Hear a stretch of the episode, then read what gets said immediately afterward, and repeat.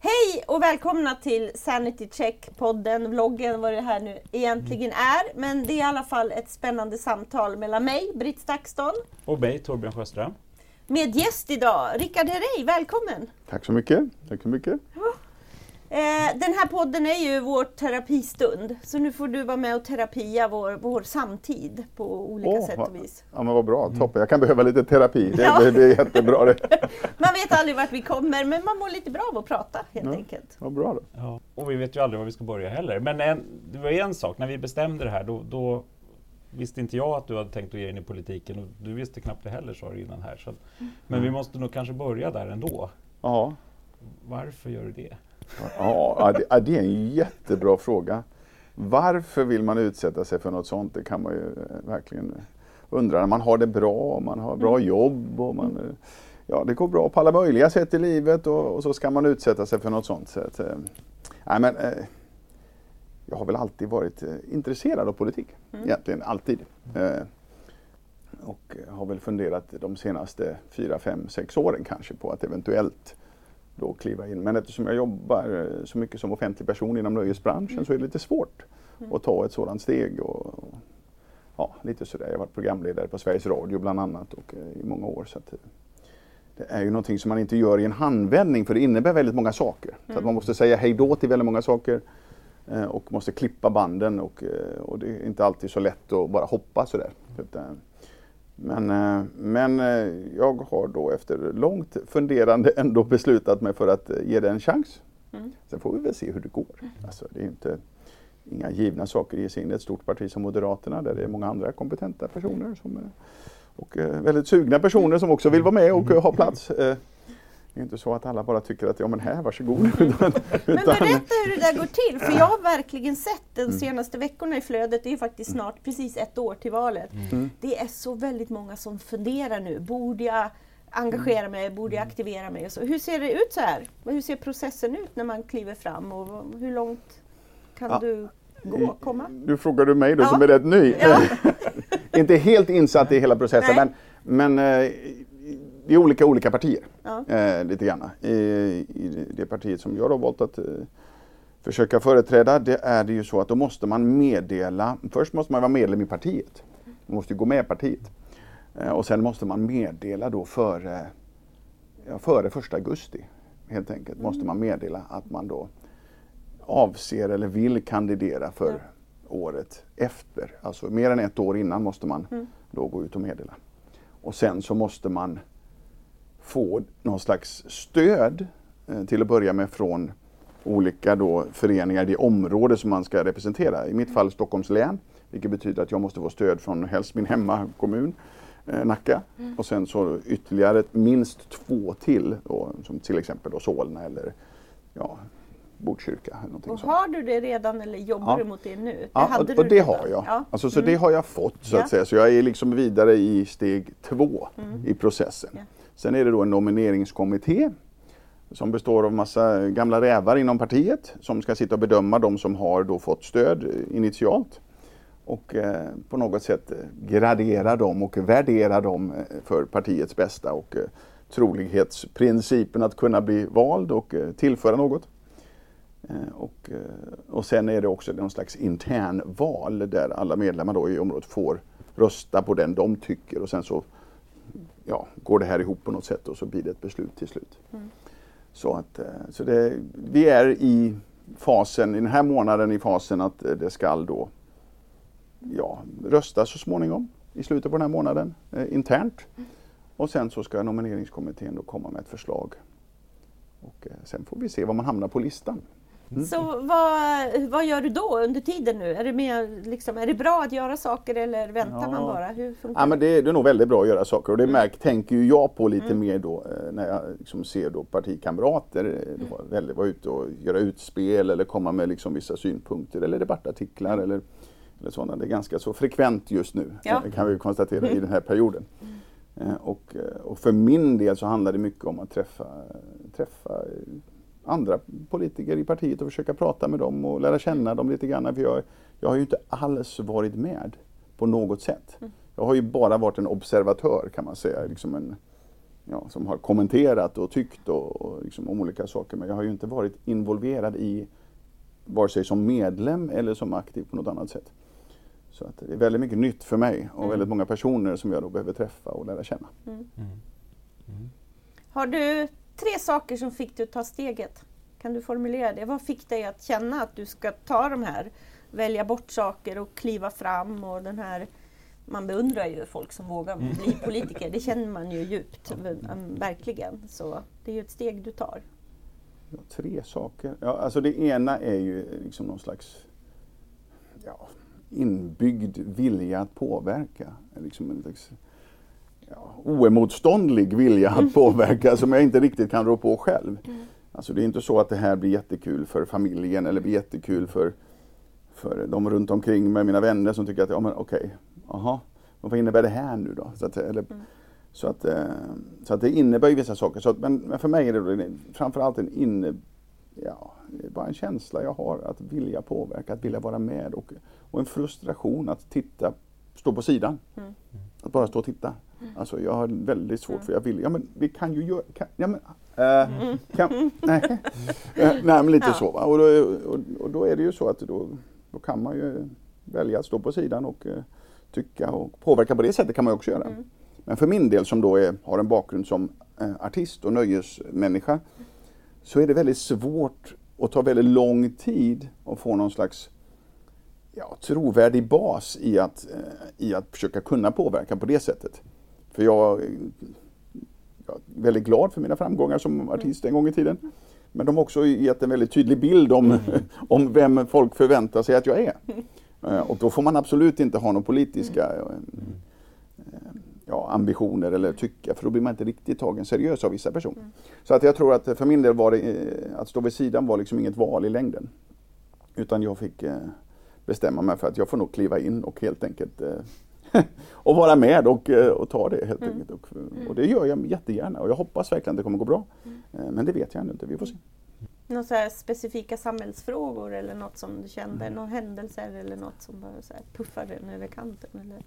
Ja, dels är det ju som det ser ut, det politiska läget ser ut idag i Sverige. Eh, Det är en väldigt ovisshet och en väldig ängslighet som har rått frustration över de stora partierna som har varit frustrerade över att, ja, att det kommit ett annat parti helt plötsligt som växer sig starkt och man har haft svårt att förhålla sig till detta och förhålla sig till hur man ska agera gentemot dem eller agera sinsemellan och eh, på något sätt förhålla sig till den politiska bilden. Eh, och det är ju en sak som har frustrerat mig vid sidan om för jag tyckte att man har gjort, tagit väldigt många eh, beslut, tror jag, i, en slags god vilja. Men samtidigt kanske inte riktigt genomtänkt och inte långsiktigt. Vilket har egentligen bidragit till eh, att få en motsatt effekt än vad man hade tänkt sig. Så att eh, jag tror att eh, man har ja, skapat en, en större så att säga flykt till det partiet som man kanske hoppades på att skulle bli mindre. Mm. SD alltså. Ja. Ja. Ja, Ja. jag förstår. Ja. Ja. Ja. Så, att, så att det det är den ena saken, alltså rent observationsmässigt. Men sen är jag mer allmänpolitisk. Alltså jag har ju viss kulturerfarenhet, ganska mycket sådan naturligtvis. Nöje och kultur. Jag har ju dels jobbat som eh, inom radio i många år, eh, på senare år. Dessutom har jag ju varit då på teaterscenen i många år. Jag har ju varit eh, musikartist och eh, nöjesproducent, regissör. Eh, och, eh, så jag har gjort väldigt mycket inom kulturvärlden, så det är ena saken. Sen har jag en fot i idrottsvärlden. Mhm. Jag spelade fotboll en gång i tiden i division 1 eh, och eh, jobbade ett par år eh, på Vätternrundan som deras marknadschef och, och sponsorchef inom en svensk klassiker. Och, jag är väldigt intresserad av idrottsrörelsen, idrottsvärlden, folkidrotten och dess betydelse för integrationen idag i Sverige och dess betydelse för att liksom, samhällets och de små orterna ute i landet framförallt samhällets möjlighet att hålla ihop och liksom hålla i de här små samhällena. Någonting som Gemenskapen finns ofta kring just idrottsklubbarna och idrottsföreningarna. Att man hittar en gemensam nämnare, liksom att träffas och bara ja, engagera sig på något sätt. Oavsett hur det går, bra eller dåligt, så ska man fika och det ska spikas upp ett mål eller det ska, vad man nu ska göra. Så, eh, så det är väl Några hjärtefrågor. Ja, det är väl några hjärtefrågor, men, men jag är väldigt allmänpolitiskt intresserad egentligen. Mm. Sen har jag ju bott utomlands i många år så att jag är ja, också väldigt intresserad av utrikespolitik. Mm. Mm, kommer han klara det här då? Nej, det vet jag inte. Sånt där, jag förutsäger ju inte framtiden. Nej, precis, exakt. Gör inte Nej, jag gör ju inte Analysera det. nutid. Ja. Spåkulan är där. Ja, exakt, precis. På riktigt, Ja, på där. riktigt. Ja, nej. Men, nej, men, men, eh, nej, men jag har ingen aning om det. Men det, och jag vill inte ens svara på frågan för det blir ju så konstigt. Ja, men, men, men det är ju som du säger, jag, alltså jag tänkte på lite när, när du och jag överhuvud, jag tror att vi fick kontakt på Twitter först. Eller något sånt där. Det var, Yes. Mm. eh, och det var, då blev jag också förvånad över det, liksom, ditt samhällspolitiska intresse. För att det Mm. var ju inte den bilden man har om artisten Rickard. Liksom. Nej. Men hade du Ja. tagit det här klivet utan Twitter tror du? Vad har Twitter bidragit till att liksom tydliggöra och testa resonemang och diskutera och bli väldigt osams? Ja, Mm. ja, jo. Nej, men Twitter har nog bidragit faktiskt eh, på många sätt. Eh, Dels, dels diskussionsmässigt, alltså att, men också att etablera mig lite granna bland de som diskuterar politik. Alltså bland statsvetare eller bland politiska kommentatorer eller eh, debatt, eh, så att säga. Så att, eh, där i, har jag ju diskuterat och debatterat med dem väldigt ofta på olika sätt. Och de finns ju på Twitter, mediamänniskor finns där. Mm. Och det har ju gjort att den miljön har passat väldigt mycket om man har ett sådant intresse. Och det har också gjort att man testar liksom sig själv och testar sin egen ja, förmåga eller sin egen, sina egna idéer. Och, och ibland får man ju på nöten och ibland får man inte på nöten. Och, och ibland så har man mer rätt än andra gånger och ibland så kanske man borde bara hållit tyst och inte sagt någonting. Ja. Så att, eh, och, det och, eh, och sen är ju Twitter som det är, eftersom det är ett helt öppet forum, eh, så är det ju också så att, att det finns väldigt mycket, ja, ska vi säga, trist, eh, som är, där dialogen sjunker väldigt djupt och lågt och väldigt hårt. Mm. Eh, Där man, eh, ja, och det tycker jag kan vara väldigt trist. Och jag har väl försökt åtminstone, gjort mitt bästa, jag ska inte säga att jag har varit perfekt på något sätt, men jag har åtminstone försökt mitt allra bästa att, att inte åka ner i den allra liksom, värsta dyn och börja kasta saker och kalla folk för saker, för jag tycker att det är så oproduktivt. Man kommer liksom ingen vart med att kalla eh, människor för massa namn och, eller saker eller epitet. Men det är många som eh, tar till det. det så fort eh, orden tryter eller så fort man liksom inte vet vad man ska säga så bara schmack så kommer det någonting. Så ska man kalla någon för någonting och, och gärna någonting som är förnedrande eller förminskande eller, eller ja, på något annat sätt eh, elakt.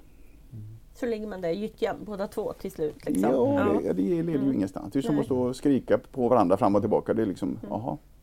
Det, det brukar sällan leda till något positivt. Men nu får du ju ännu mer ögonen på dig som politiker. Har du några Ja. så här kommunikativa förebilder? Tänker Ja, du? men alltså man... ja, Det beror på var man är någonstans tror jag. Nu, har jag- nu har jag ju varit marknadschef också en gång i tiden. Eller jag har ju hållit på med sånt också. Så att det, ibland är det liksom bra att vara på och synas mycket. Att liksom vara där och liksom vara med i debatt. Kanske inte alltid är så ja, man ska analysera jättenoga med vad man, utan att, utan man, att man är delaktig och finns så att säga.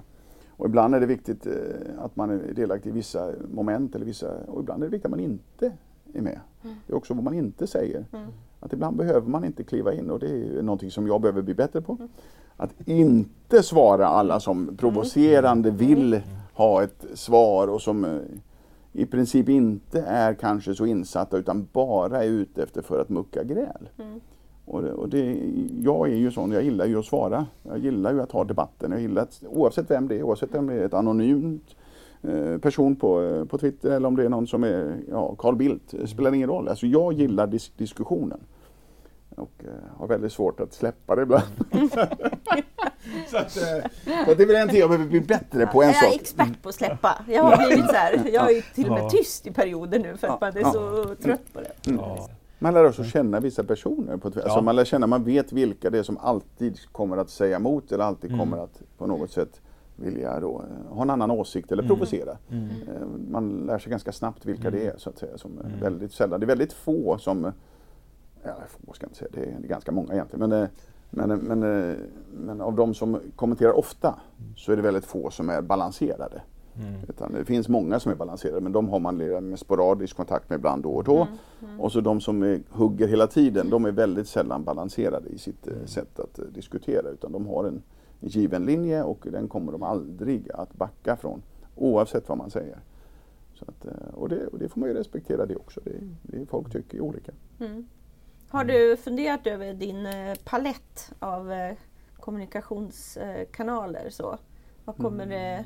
jag såg det i Breaking News. Det är lite som TV Ja, precis. Exakt. det? Ja, det var väl inte något... eh, Ja, Ja, du fick öva på att göra ja ett- precis. Ja. Det är ett program som man med viss vånda säger jag till måste jag säga. Jag var inte jättesugen på att göra. De- ja, men de- man de måste är- ju haka på. Ja, de Liksom. är, ja exakt. Att, och i min värld så är det så att, okej då. Så att eh, jag bjuder på det. Ja. Eh, och de, är, de är egentligen bara ute efter att eh, spexa och löjla sig. Eh, och det vet jag att de är.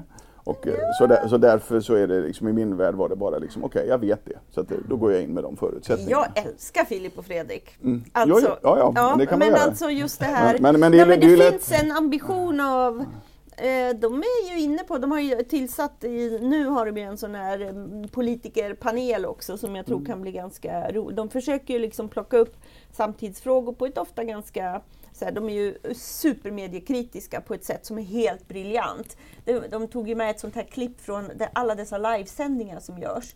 Så tog de ett, ett exempel från stackars Mittmedia som livesänder från typ någon affär som ska öppna om någon månad i något köpcenter eller så.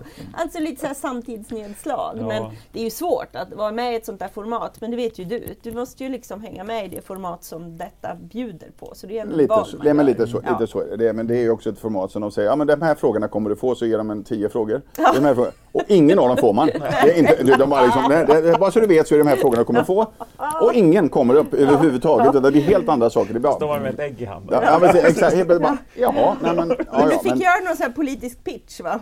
det ja, var din precis, uppgift exakt, ja, i precis, i tio prövas i detta. Men gör, tänker du dig Liksom, eh, har du, eh, vad har du mer för digitala plattformar vid sidan av Twitter? Eller kommer du se det som en viktig kanal under? Ja men Twitter är ju en kanal som Mm. jag, finns väldigt mycket. Men sen är ju Facebook idag en väldigt viktig kanal så att säga. Framförallt för lite bredare, eh, folkligare kan man ju säga. Ja. Mm. Twitter är ju mycket smalare eh, och mer för de eh, inbitna Ja. som redan har bestämt sig för vilken sida de ska vara på. och sådär. Så, att, eh, så det, det är ju en, en viss kanal i och för sig. Så att säga. Och den är mer egentligen för att påverka mot media tycker jag. Mm. Alltså gentemot de aktörer, journalister och media som finns i, i det liksom den kanalen som man visar vad man tycker och så, ja, så kan de plocka upp eller inte plocka upp det. Eh, eller notera eller inte notera detta. Men parti var självklart för dig, var det så? Har du dina... Det har varit Ja, ja, ja, ska jag säga. Det var nästan självklart i alla fall. Alltså, eh, det var självklart att det skulle bli något alliansparti. Alltså, det var helt klart. Och, eh, och eh, jag har ju alltid egentligen varit i den follan, konservativ och eh, på det sättet ändå hållit mig där. Eh, Och, så på det sättet så, så var det ju egentligen, och där finns det egentligen bara två partier som är ganska lika varandra. Det är Moderaterna eller Kristdemokraterna. Och, eh, och, då, eh, och då blev det Moderaterna. Och eh, jag gick runt redan som 16-åring med rösta på Gösta-knapp på, på, på jackan. Det var Så att, komma hem. så, att, eh, så för mig, jag, jag har aldrig varit medlem i något parti någon gång men jag har Nej. däremot haft, och på den, när jag växte upp, jag är ju så gammal så att när jag växte upp då, då var ju inte till exempel Kristdemokraterna var ju inte ens aktuella att, att eh, förhålla sig till nästan utan det var ju Gösta Bohman då som var partiledaren. Och, eh, men, eh, nej, men för mig så, så är det, men samtidigt är det väldigt svårt. Jag tycker att det är jobbigt att ta på mig en Ett liksom- paket. Nej men du, du ska ta på dig en, en, en rocket, hela historien för ett parti. Alla beslut som någonsin har fattats eh, och inte kommer fattats. du få svara för. Ja, och, ja, och du vet folk redan tror att jag Ja. är i princip är partiledare ibland. Ja men ni har ju gjort det här. Jag? Jag har inte gjort någonting. Jag, jag, har inte ens, jag står inte ens på listan här. Så att, eh, men, eh, och lite så är det ju. Så att man får ta på sig, och det får man vara medveten om också, att det, då blir det ju att ta på sig den rocken så att säga. Att, Men du, sen vi såg sist så har ju det här partiet bytt partiledare. Ja, och det var egentligen inte ens bytt till någon, men Nej, lämnat är det inte någon. klart? Lämnat Nej, någon, menar jag. precis. Ja, ja, precis. Lämnat någon Ja, menar jag. ja, Exakt. exakt. Jag är lite offradad Ja, men men- eh, så snabbt har det inte gått. Nej. Men har ni hunnit göra mätningar efteråt? Nej, jag, jag har faktiskt hållit mig borta från det. Ja. Eh, en av våra konkurrenter gjorde ju det och den höll väl i två timmar ungefär. Mm. Eh, och, och, och min personliga åsikt är att jag helst inte vill undersöka det förrän det är klart. Nej, Ehm, Men man har inte gjort någon generell eh, för alla partier? Jo, för väljarbarometern har Ja. vi gjort och Ja. det blir ju lite paradoxalt för att parti, eh, Moderaterna gick ju upp lite partiledarlöst. Ja. Eh, men, men det förvånade mig tyvärr inte så mycket för jag gjorde, eh, under Almedalen presenterade jag en, en kring liksom partiledares eh, egenskaper, positiva och negativa och även partiernas egenskaper. Och, och där, där utkristalliserade sig tre partiledare och tre partier det var Socialdemokraterna, Centerpartiet och Sverigedemokraterna. Eh, Anna Kinberg Batra var inte med i princip alls i den situationen samtidigt som då partiet har, har Moderaterna har en starkare politik än, än alla andra partier utom Socialdemokraterna i väljarnas ögon så är partiledaren så pass svag så att det spelade liksom ingen roll. Eh, och ur det perspektivet så, så, så såg ju jag att det, var, det är svårt att kunna driva en trovärdig politik om partiledaren om man inte tror på vad parti, partiledaren säger. Och den situationen hade man hamnat i. Statistiken och opinionen talade emot henne naturligtvis. Ja men så var det ju. Och, och, och, även, och även Det var någonting med att hon inte riktigt gick hem genom rutan. Det, det, och, och, och det var väldigt svårt. att det, det liksom, jag tror, och, och det, då, det överskuggar ett partis politik. Ja. Centerpartiet å andra sidan är ju nästan tvärtom. De har inte jättestark politik men en jättestark partiledare istället. Eh, som gick igenom sin lilla Golgatavandring som minister. Och, Näringslivsministern. ja. eh, och sen kunde komma ur på ett helt annat sätt. Eh, men där situationen för Anna Kinberg Batra var annorlunda. Det, det, hon, hon, kom inte igenom som partiledare och behövde gö- göra någon form av transformation utan att ändra, ändra roll. Eh, Annie kunde gå från minister till partiledare. Vilket nog var lite lättare tror jag. Men också, Ja. tror jag, en väldigt genuin känsla av att vara extremt uppbackad av varenda. Ja, Ja. exakt. Och där är väl skillnaden med Centerpartiet och Moderaternas liksom, inre strukturer. Att Moderaterna är lite mer toppstyrda och, och Centerpartiet hade ju en öppen, eller alltså inom partiet en öppen process mellan Anna-Karin Hatt och, och eh, Annie Lööf som gjorde att hon, hon behövde inte oroa sig egentligen på samma sätt som Anna som kanske upplevdes ha ärvt rollen på Ja. något sätt. Ja men så var Ja. det nog. Alltså, nu- jag, är inte, jag måste säga att jag är inte jätteinsatt i de interna diskussionerna här, eller interna eh, snacket kring detta. Men, eh, men, det, men det är nog som du säger, hon ärvde en omöjlig position nästan. Mm. Eh, också lite grann. eh, Att, och sen är man ju olika som personer. Mm. Alltså man är ju det och det har ju ingen, för mig så reflekterar det ingenting om ens värde som person eller om ens kompetens som person utan det är bara att man är olika och passar i olika roller. Och, och ibland kommer man in i fel ögonblick så att säga, i fel roll. Alltså, Anna är ju relativt ung fortfarande så att ja, jag eh, utesluter inte alls att hon kommer eh, hitta en, eh, en, roll framöver som kommer vara, passa henne alldeles, alldeles fantastiskt. Hon kanske kommer tillbaka som på ett annat sätt. Så att, eh, så att jag, eh, för jag tycker hon är väldigt kompetent faktiskt, alltså rent allmänt. Men, eh, men sen är det svårt naturligtvis. Det, är- vi tar ett annat exempel, Obama. Mm. Det är inte många som kommer ihåg hans, hans politik utan man kommer ihåg honom för hans eh, fantastiskt charmiga, härliga personlighet som han är. Alltså, en intelligent person naturligtvis men, men, men just politiskt var han kanske inte världens bästa politiker men han var väldigt, väldigt charmig och trevlig och, och man gillade honom helt enkelt. Det är svårt att inte gilla en sån person. Han, var liksom en, en sån och det, och det måste man också vara i politiken på något sätt. Men det är i oktober det blir klart, eller? Ja, och, och, det, och det, precis, men det är väl det att det, ingen vet väl egentligen nu, men det är väl väldigt sannolikt att det blir Ulf Kristersson.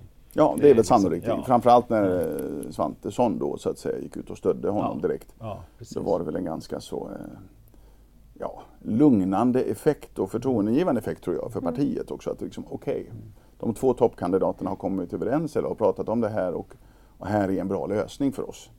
Och, då, eh, och då, det tror jag stärkte många så att säga i sin eh, framtidstro på att det inte skulle bli någon fight, det skulle inte bli något internt, inga utmaningar eller utan att, eh, och Carl Bildt har i alla fall i princip sagt nej. Så att, ja, jag tror inte han säger nej någonsin till någonting utan, i politiken. Utan han lämnar nog alltid en liten dörr öppen ifall det skulle behövas och han skulle behöva komma in som en räddande ängel. Men, men eh, jag tror att han bara eh, höll den dörren öppen ifall han skulle behövas som en räddande ängel. Inte som någonting annat utan eh, att, eh, han, Nej, precis. jag tror att han eh, har gjort sitt där kanske. Jo men det är väl så. Mm. Och det är väl som jag tänkte redan innan Anna kom in att den kandidaten jag såg innan där tänkte jag var Ulf. Mm. Alltså, jag Ja. trodde mer att han Mm. skulle bli den gången. Mm. Det, jag såg honom i Almedalen i somras. Ja. Han höll ett eh, tal, så jag var på seminariet när han höll eh, ekonomisk eh, seminarium som de hade på, i Almedalen. Och, eh, då höll han ett långt tal om olika saker och redan då så misstänkte jag att eh, han var väl förberedd mm. på att kliva in om så skulle behövas. Mm. Och, och det... Men om han nu kommer upp, då får vi väl ta upp en av mina få tillfällen. Jag har ju verkligen alltså intresserat mig jättemycket för också eh, politiken i en digital samtid. Funderar mycket på hur det påverkar eh, Eh, medborgarens möjligheter att känna sig delaktig och politikers lust att mer bygga. Eh, liksom passa på och, och prata om vad politik innebär och, och vad skiljer partipolitik ifrån liksom, ett, um, ja, men ett antal medborgare som går samman och väcker opinion för något och sådär. Liksom. Och i allt det här så ser man ju ganska tokig utveckling så då blir jag så deprimerad så jag har varit tyst. Mm. Men när Ekot publicerar sin eh, lista ja. över uh, Ulf Kristofferssons... Uh, Ja precis, då behöver man lite kaffe. Alltså det allvarliga i alltså hela den fadäsen, Ekot-listan över Ulf Kristofferssons eh, eh Kristerssons. Kristoff... Jag blandar ihop dem. Ulf Kristersson, ja, ja, jag, jag förstår. Jag förstår. Det är många som blandar ihop. Jag är så glad att det inte var jag, jag fick skit för det igår. Ah! Men de skojar ju öppet om det hela tiden. Mm. Men alltså problemet är att man kan ju inte ens definiera den här listan som att det bara var eh, felsteg. Eh, utan det var, ju, det var ju så konstigt också sammansatt. Allt, det, var ju, ås, det var ju åsiktsbaserat dessutom. Och, ja, ja, ja, det är ju grundproblemet. Ja. Men om man, om man om, skit i de där åsiktsbaserade, bara det faktum att ta med när han blir MUF-ordförande men inte andra politiska steg så att säga. Bara det avslöjar ju listan. Precis, men tillbaka det som politiken var så, men inte minister. Ja, alltså. Ja. Och, och den här totala oförmågan alltså över människor att kunna diskutera det här utan ett partipolitiskt perspektiv. Utan mm. att alldeles oberoende av var man står partipolitiskt så är det otroligt allvarligt att Ekot publicerar en sån lista utan något som helst sammanhang. Det, det, det, hade ju någon slags koppling till en intervju i Ekot där han säger att han inte har några lik i garderoben och så skulle det här då vara en artikel som ska ta upp ett antal lik i garderoben på något sätt och ur detta föds den här absurda eh, listan som blir ett meme, en bild som skickas runt överallt utan sammanhang med Ekot som avsändare. Mm. Och då tänker man sig den här valrörelsen, den kommer inte bli rolig. Alltså när till och med Ekot inte kan hålla sig borta från den typen av förenklingar och i det fallet eh, rent liksom ett, ett konstigt åsiktsurval som det blir på det sättet. Liksom. Journalister. Och, och, när jag då börjar eh, ifrågasätta det allvarliga i det så tror folk att jag inte menar att journalister ska granska utan går in så här, det är väl jätterelevant att han har eh, den här lägenheten som han har bott i då som eh, eh vad det nu fanns för bakgrund till den, men eh, tokigheterna runt det. Ja, men det är väl såklart journalistiken ska göra det, men ja. det är den här typen av förenklingar och, och, saker ur ett sammanhang som man inte ska ägna sig åt. Och då, där är ju Ekot en sån tung spelare. Och när till och med de tappar kompassen, hur kommer det bli? Ja. Vi är där och rantar igen kring media, ja, men det måste man. Ja. Ja, men det, alltså, den där saken, alltså, det, det, du, du, kan inte nog betona hur viktigt det där är. Mm. Jag tror att eh, det, i sin värsta form så kan det här varit eh, en, en vad ska vi säga, en skadeskjutning för eh, public service. Som kanske kan bli irreparabel. Ir, irreparabel heter det. Irreparabel. Ja. irreparabel. Eh, alltså, av den anledningen att de har redan ett, ett, ett, ett tvivelaktigt rykte så att säga att vara färgade, att inte I vissa vara... kretsar. Ny, ny, mm. Vissa kretsar. Jo, men att inte mm. vara nyanserade så att säga. Ja. Och, och, eh, och, det är ju ändå så att det finns stora partier idag som mm. Eh, vill avskaffa public ja. service helt mm. Och, eh, och att då bjuda in ah. detta så att mm. säga är för mig och, och, det här säger jag med stor besvikelse eftersom jag har jobbat med många mm. människor på Ekot. Mm. Ehm, jag har ändå suttit på Sveriges Radio och de, mina närmsta kollegor på, på mina, under mina sändningar det var ekomedarbetare. Mm. Så att, eh, och jag, min uppfattning om de flesta ekomedarbetare är att de är oerhört seriösa. Ja, herregud. Ja. Så att, ja. Och oerhört kompetenta och vill egentligen bara rapportera nyheter. Mm. Och sen så rapporterar ju de naturligtvis utifrån sina erfarenheter och gör sina bedömningar som, som alla människor gör. Men min erfarenhet är att de allra flesta är väldigt kompetenta.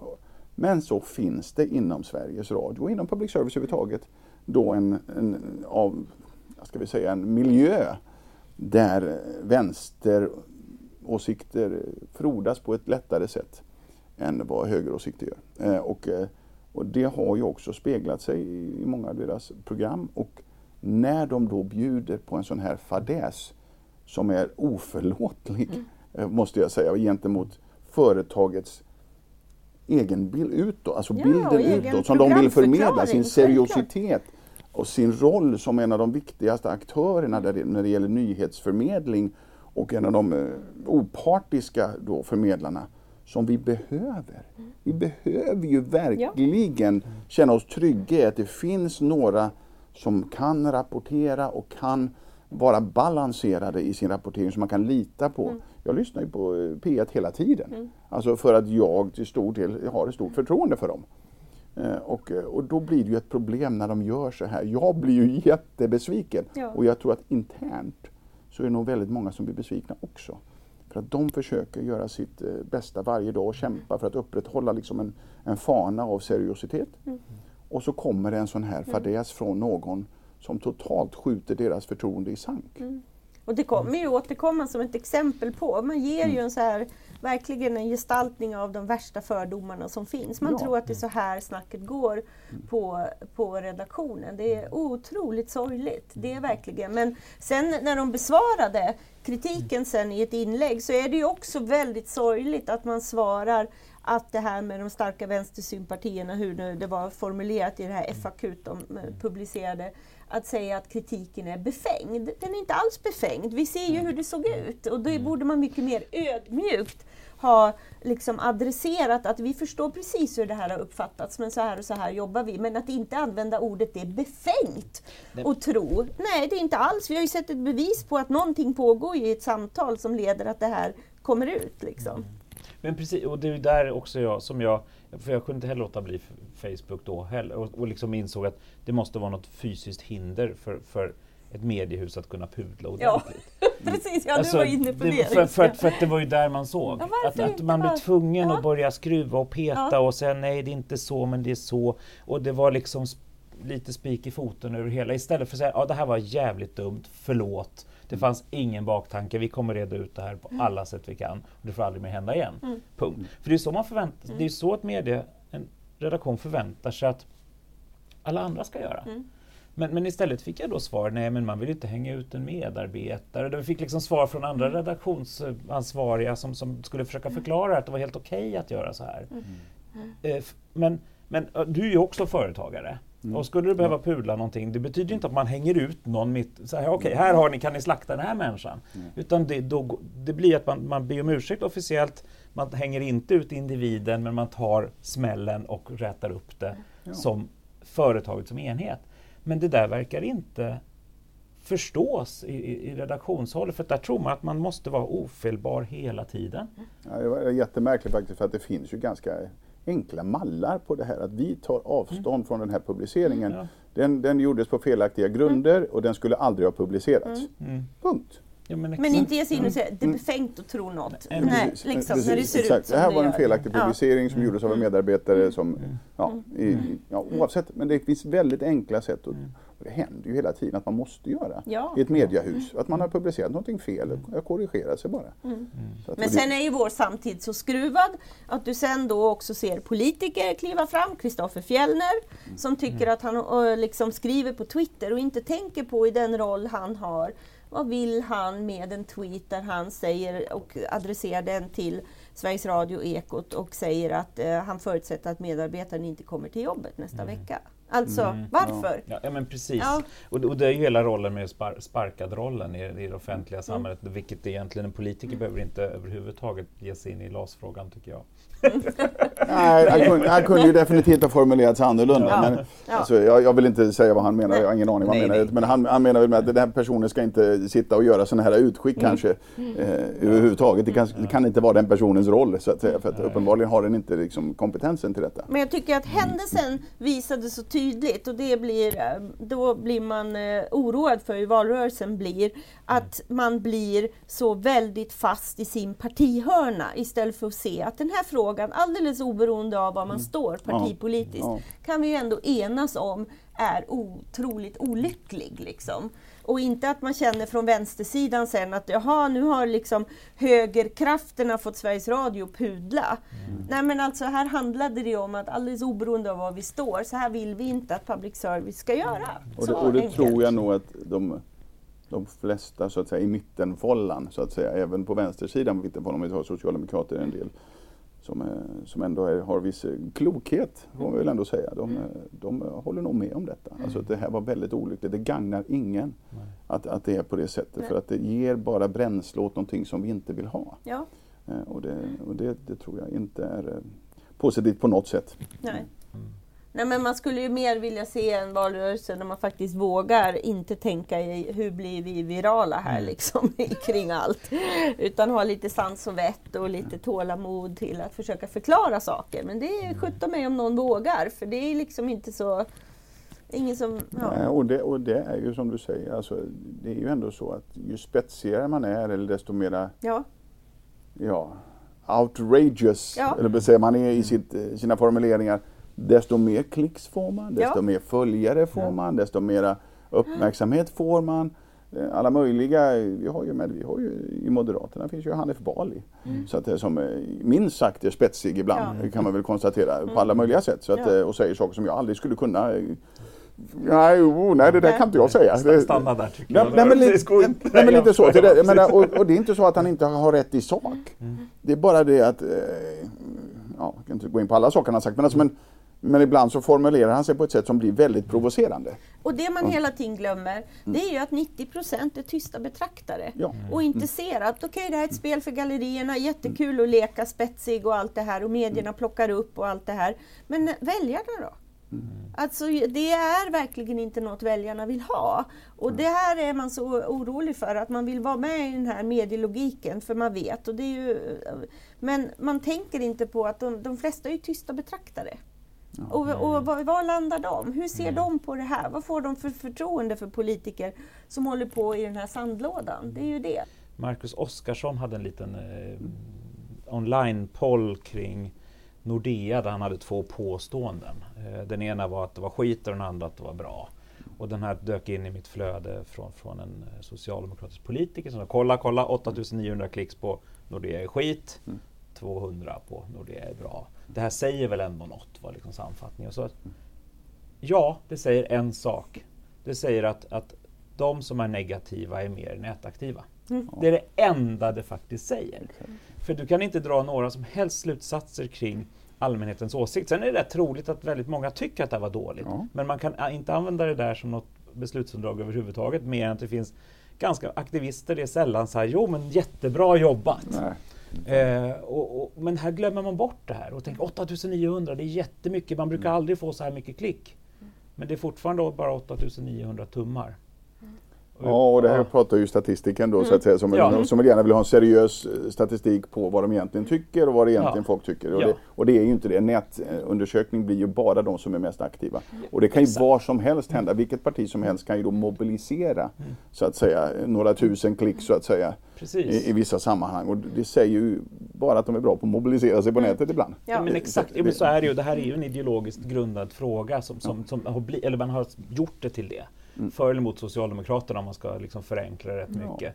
Eh, eller för eller mot regeringens liksom, politik kring banken. Vilket det nog egentligen inte är, ska vi konstatera. Det är nog en ganska mångfacetterad fråga tror jag. Ja, Alltså, men den har förminskat, ja. den har politiserats till att vara Ja. enbart det just i dagarna. Ja. Och, och, och, och, då, att, att då använda det och sen kommer det säkert vara i TV imorgon bitti under liksom epitetet Marcus förklarar. Ja. Och det är, då, det är då jag börjar liksom känna, men yeah, åh, Mm. det är fortfarande bara 8900 tummar som kan eller kan inte vara från Sverige, kan eller kanske inte är riktiga människor. Ja, precis. Dessutom. Så det, finns ju ing, det säger ingenting ens om kunderna. Nej. Inte ens där. För visst, om Nordea tappar 8900 kunder, ja det skulle väl märkas. Men 8900 tummar säger absolut ingenting. Nej, men medierapporteringen blir ju också väldigt polariserad Mm. i det här fallet. Ja. Och den blir ju naturligtvis, och jag tror egentligen så var det ju, eh, ska säga, så var det finansministern som bjöd in lite till det här genom att på något sätt utmana Nordea och säga att det spelar ingen roll om ni flyttar utomlands, flyttar ni, det går bra, det är inga problem. Och, och gjorde det till liksom en politisk historia mer än vad det behövde vara. Utan, eh, och, och då blev det väldigt mycket fokus på var det rätt eller fel och har då Magdalena Andersson pushat ut Nordea som har en finsk eh, VD, koncernchef som bor i Finland, som har sin bas där. Och, och ja, kanske beror lite på det också. Kanske finns många aspekter med i det här. Så att, eh, men jag tror att hon på något sätt ändå gjorde det till en politisk fråga som det kanske inte behövde vara på samma sätt som, eh, Mm. vissa vill göra det till. Mm. Ja, men lite, lite klumpigt har det liksom hanterats i det Ja, offentliga rummet kan jag ju känna. Men, men, men absolut, precis, det är ju det. Men, men nu har man tryckt in det till att det blir så. Ja, Och precis. liksom, eh, det snurrar så här mobiliseringsbilder. Jag har minsann lämnat Nordea, gör det då också. Och så där. Så att, och då, då blir det en del av en partipolitisk kampanj och det känns väl sådär. Och jag. varför vi skulle bojkotta ett företag som har sitt huvudkontor i Finland vet jag inte riktigt. Men, eh, bara, jag, men vi har blivit Nej, men nationalister jag- på en gång Nej, men jag förstår inte riktigt varför det skulle vara en- liksom någon slags skäl till att bojkotta banken för att de har sitt huvudkontor i Finland just. Byta till Danske Bank kanske, jag har ingen aning. Jag tror jag.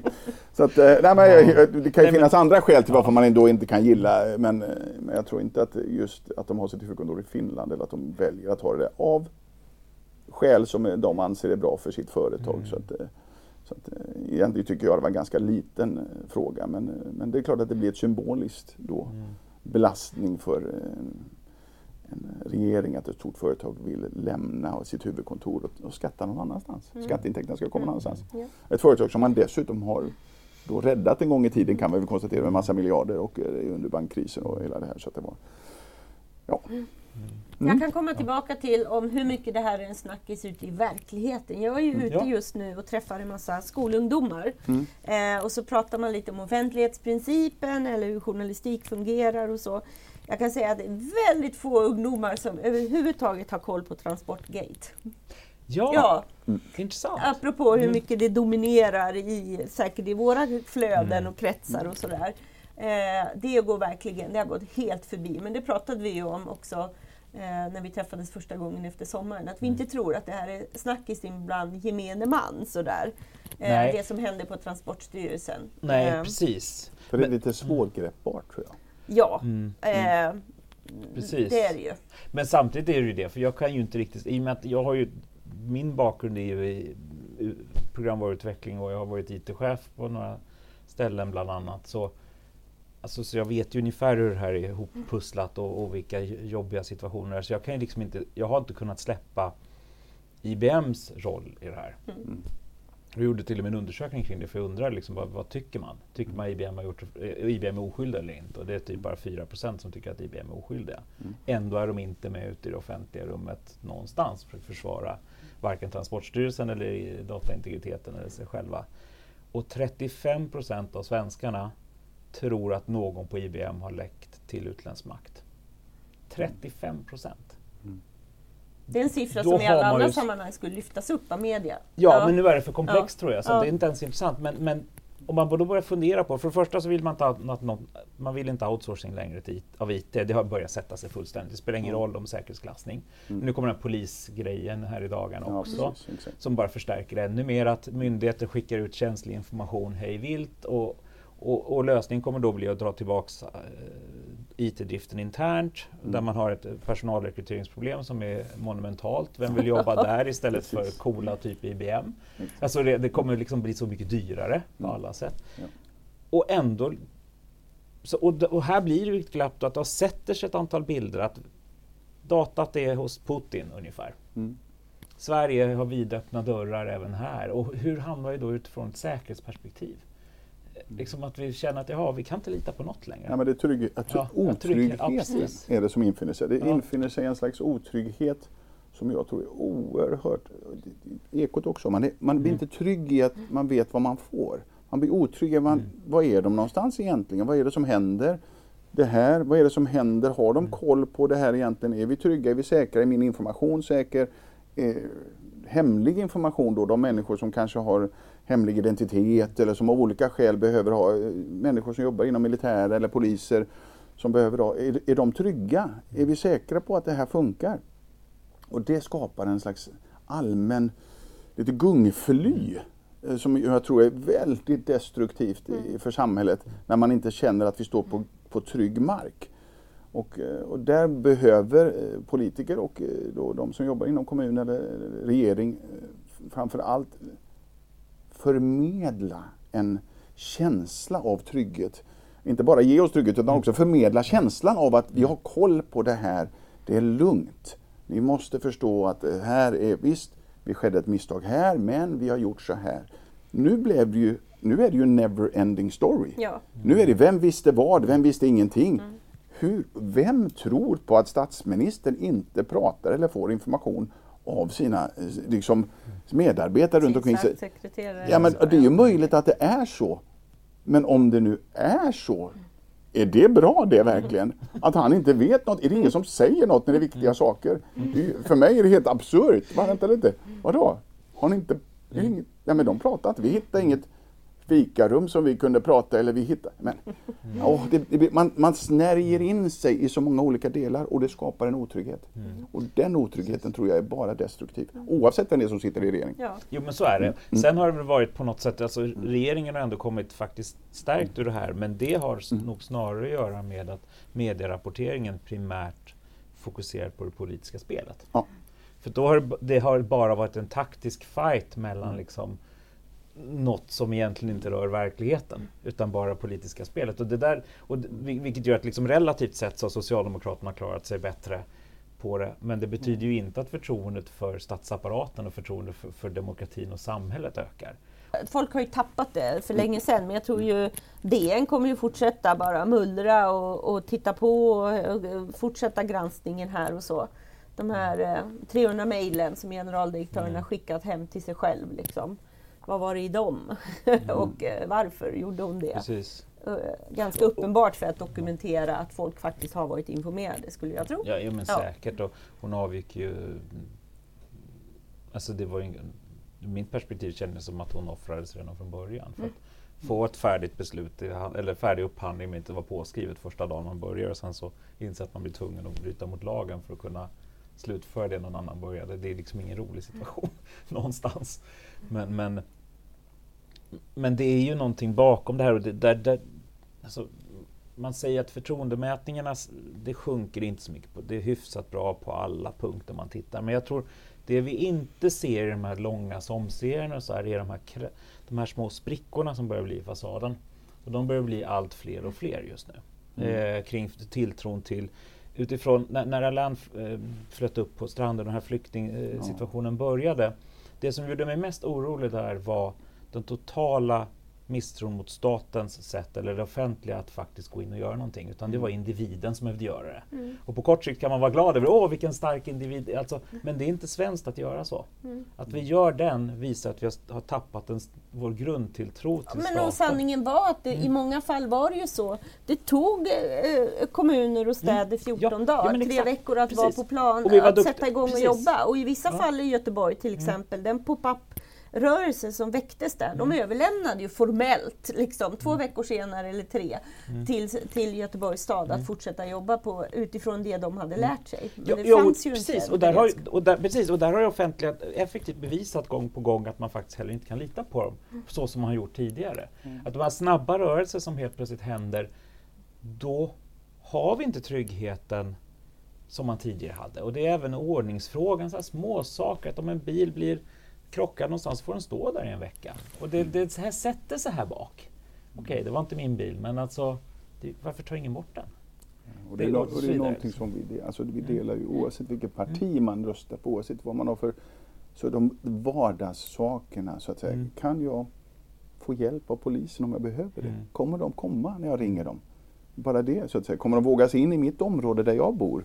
Kommer de ens ta sig in? Kommer ambulansen komma? Kommer brandkåren komma? Kommer jag få vård när jag behöver det? Kommer min fru eller dotter få eh, plats på BB när hon behöver det? Sådana här saker. Kommer mitt barn få gå i en bra skola? Kan jag få påverka det på något sätt om jag inte tycker att mitt barn är i en bra skola? De här sakerna är ju något som alla, tror jag, bara de enklaste fundamentala sakerna idag som folk bryr sig om allra mest. Och när, de, när folk börjar tvivla på det, och jag tror att man kräver att statsapparaten ska sköta det oavsett om det är en röd, blå eller grön regering eller vad det nu kan vara, så kräver man på något sätt att det måste statsapparaten sköta. I det allra minsta måste det fungera. Men tror ja. du att den där eh, Transportgate och det bidrar till den här krackeleringen också? Ja, det tror jag. Om, om 35 procent av svenskarna tror att information har läckt till utländsk mm. makt så är det en del som påverkar. Ja.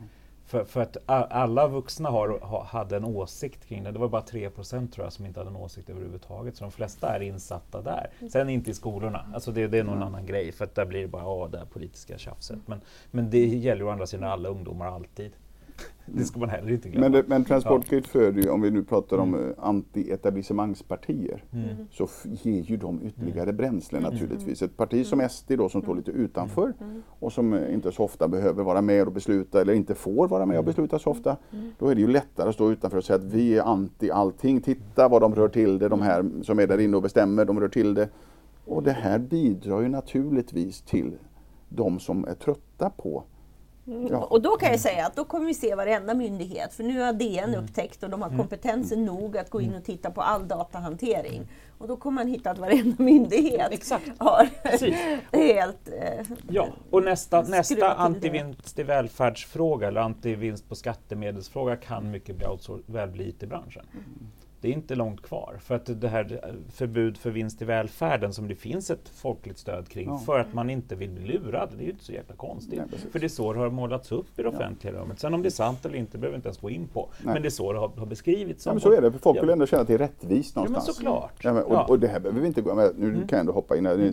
Jag läste ju senast häromdagen idag. Jag mm. tittar på eh, då sådana företag som har sysslat med flyktingboenden. Mm.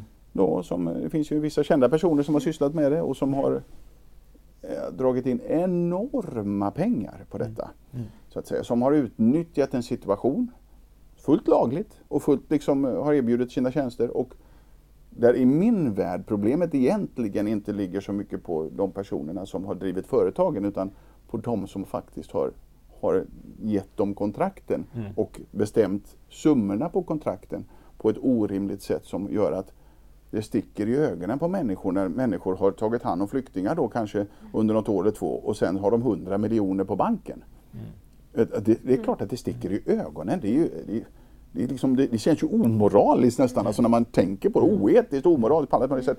Men det här är ju då företagare, entreprenörer som luktar sig till pengar. Mm. Och som utnyttjar att kompetensen eller kunnandet inte finns hos myndigheter eller politiker som släpper till sådana här summor som är så stora. De är ju uppenbarligen orimligt stora. Mm. För att har man lyckats göra en vinst på 100 miljoner på ett par år då är det ju kanske lite väl mycket så att säga pengar man har släppt iväg. Ja men exakt, och, det, och det, jag hörde något annat också det här med, med liksom eh, man har ingen riktig koll, om man tittar på sjukvården har man ingen riktig koll på hur mycket psykiatrin kostar eller liksom barn, barnsjukvård och så vidare. Så när någonting då ska privatiseras så vet man inte hur mycket pengar som behövs dit. Och, och, och, det kan slå väldigt mycket, att viss, viss vård är mycket dyrare än annan. Så vilket gör att helt, det är därför helt plötsligt budgeten kan vara slut tre månader innan året är slut. Mm. För att oj, det blev för många hjärtinfarkter eller vad det nu kan vara. Ja, för man har inte den detaljkollen. Om man då lyfter ut det så är det helt omöjligt om man inte ens vet hur det ser ut internt. Så det är massa sådana, och sen min käpphäst är ju egentligen upphandlingsreglerna är helt galna. För att man förutsätter att kravspecen uppfylls men man kollar aldrig. Nej, precis, det enda man, man går på lägsta pris. Och, det, och, och ta någon hundra kronor i timmen för en eh, högskoleexaminerad person så kan man räkna med ut med lilltån att det är någonting fel. Mm. Eh, men, men när det väl uppdagas så verkar det snarare som att man behöver göra en ny upphandling.